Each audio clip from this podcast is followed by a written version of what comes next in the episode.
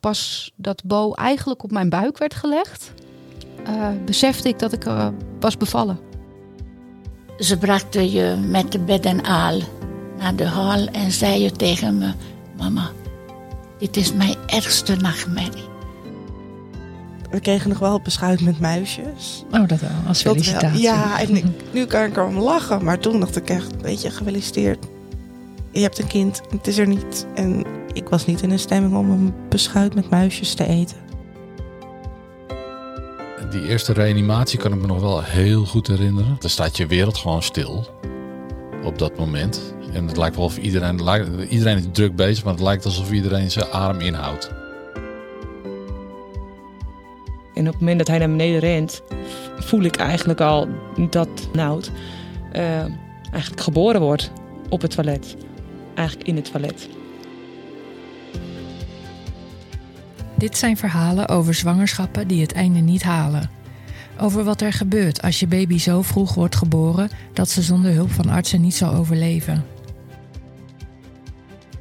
Wij konden hem thuis op dat moment niet bieden wat hij nodig had. En ja, het ziekenhuis was er om hem groot te maken. En groot genoeg om mee naar huis te nemen.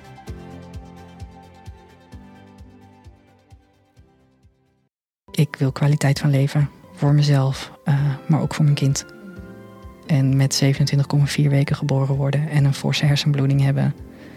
Dan weet ik niet of het allemaal per se noodzakelijk is dat alles wat medisch kan ook medisch moet gebeuren. Het gaat over de baby's die vechten voor hun leven en over de ouders die zich staande proberen te houden in alle emoties. Over verwachtingen die niet uitkomen en over de periode erna. Toen we op de NICU kwamen van het AMC, ja, daar kom je in een, een, een kamer die is net zo groot als een klaslok, gemiddeld klaslokaal. En daar staan dan tien couveuses.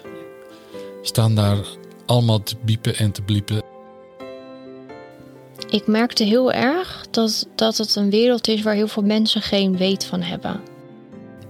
Podcast Prematuur over de helden van het eerste uur.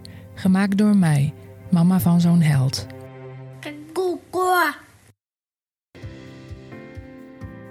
Mijn zoontje Vins is 2,5 jaar geleden met een spoedkeizersnede geboren, met 24 weken en 680 gram. Hij werd al snel ziek in een tijdsbestek van vijf maanden kreeg hij te maken met een darmperforatie, een ernstige darminfectie, twee reanimaties door het dichtplakken van zijn luchtpijpje, Milkert-syndroom, een paar lijninfecties, een CMV-infectie, nog een reanimatie door een tubeverzakking, ernstige netvliesafwijking, in totaal zes operaties en ongeveer 15 bloedtransfusies. Hij heeft een afschuwelijke start van het leven ervaren en ik hoop dat het betekent dat in zijn leven al de rest mee zal vallen. Het was ook voor ons als ouders een zware tijd. Wij woonden vijf maanden in het Ronald McDonald, waar we veel dingen hebben gezien die we liever niet hadden willen zien. Vins gevecht voor het leven en tegen de dood, andere zieke kindjes en hun ouders en de medische wereld in het algemeen. Dingen waar je je hoofd niet van kan wegdraaien en in een later stadium zijn weerslag zal hebben. We werden gedwongen een razende trein in te stappen zonder te weten of die ooit vaart zou minderen, laat staan een eindstation zou bereiken. Gelukkig gebeurde dat op een dag.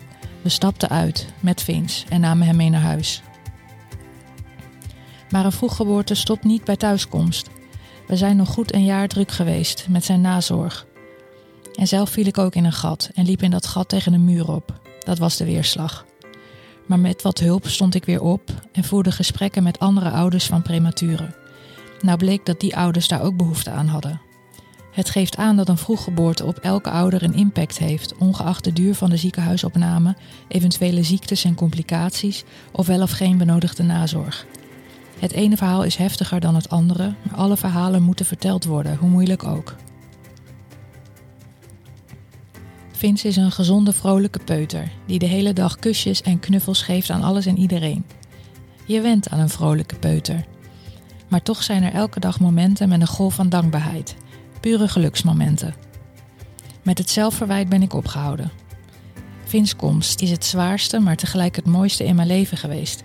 Misschien biedt dit hoop aan hen die het nodig hebben. Met deze podcast heb ik een platform willen maken van verhalen van ouders, medische en overige betrokkenen die herkenning bieden en troost en informatie. Maar daarnaast heb ik ook de deuren van de NICU open willen zetten. Ook voor diegenen die er normaal gesproken niet welkom zijn, maar er wel een kijkje zouden willen nemen. Als je mij vraagt over deze periode, zou ik zeggen dat het me heeft verwond, maar dat ik met trots mijn littekens verzorg.